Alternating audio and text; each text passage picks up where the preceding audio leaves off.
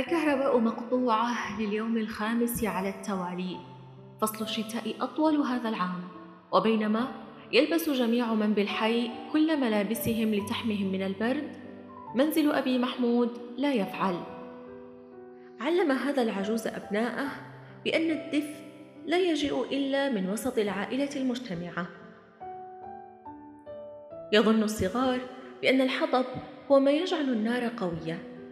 توهمهم الظنون بأن البطانية التي يتشاركها كل ثلاث أشخاص هي المسؤولة عن الدفء الذي يلفهم.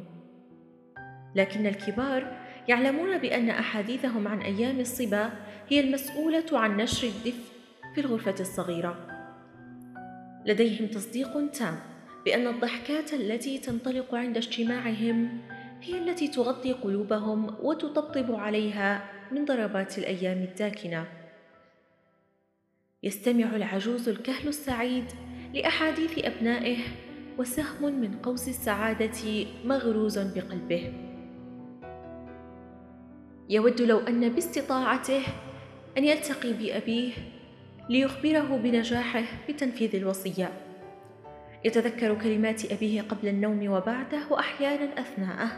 كان يقول له العائلة درعك وسيفك والحياة حرب لن تنجو منها بدون درع وسيف يبتسم وهو يراقب الأحفاد والأبناء ملتفين حول النار وبينما العالم في الخارج ينهار هم سعداء. العائلة بطانية المرء كأسه البارد في كل الأيام الحارة. لولا العائلة ما كان ليشعر المرء بالحب.